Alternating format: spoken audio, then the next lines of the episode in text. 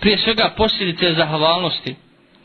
Kaže uzvišeni subhanahu wa ta'ala, a'udhu billahi min shaitan rajim, ma yaf'alu Allahu bi'azabikum in shakartum wa amantum.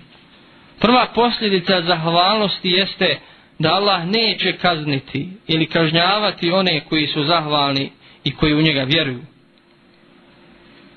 Suprotno tome, znači da će Allah subhanahu wa ta'ala kazniti ili da je izložen kazni onaj koji nije zahvalan i koji ne vjeruje Allaha subhanahu wa ta'ala. Druga posljedica zahvalnosti jeste da je Allah zadovoljan sa onima koji su mu zahvalni.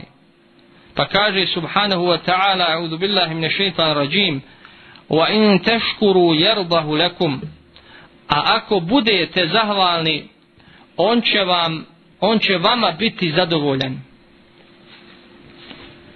bilježi muslim u svome sahihu da je poslanik sallallahu ta'ala alaihi wasallam rekao Allah je zadovoljan sa svojim robom koji kada pojede zalogaj na njemu zahvali Allahu ili kada popije gutljaj pa na njemu zahvali Allahu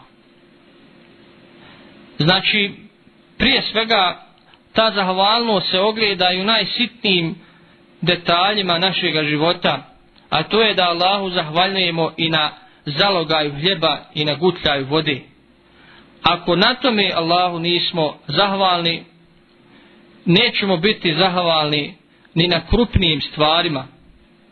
Jer kaže naša narodna poslovica ko nije zahvalan na orahu neće biti zahvalan ni na tovaru. Još jedna od posljedica zahvalnosti je da zahvaljivanje na blagodatima povećava blagodat, odnosno uzvišeni Allah onima koji su zahvalni povećava blagodati, i još ih više obskrbljuje. I kaže uzvišeni o tome, audu billahi min šeitan rađim, wa id ta'azzana rabbukum la in shakartum. A kada je gospodar tvoj objavio ako budete zahvalni, ja ću vam za cijelo još više blagodati povećati.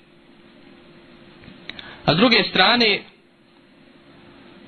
uzvišeni kaže ako budete nezahvalni pa moja kazna je u istinu žestoka i zadnja posljedica zahvalnosti jeste ona najvrijednija a to je da je rezultat zahvalnosti na blagodatima Allahova nagrada. Allahova nagrada misli se na nagradu na onome svijetu odnosno džennet.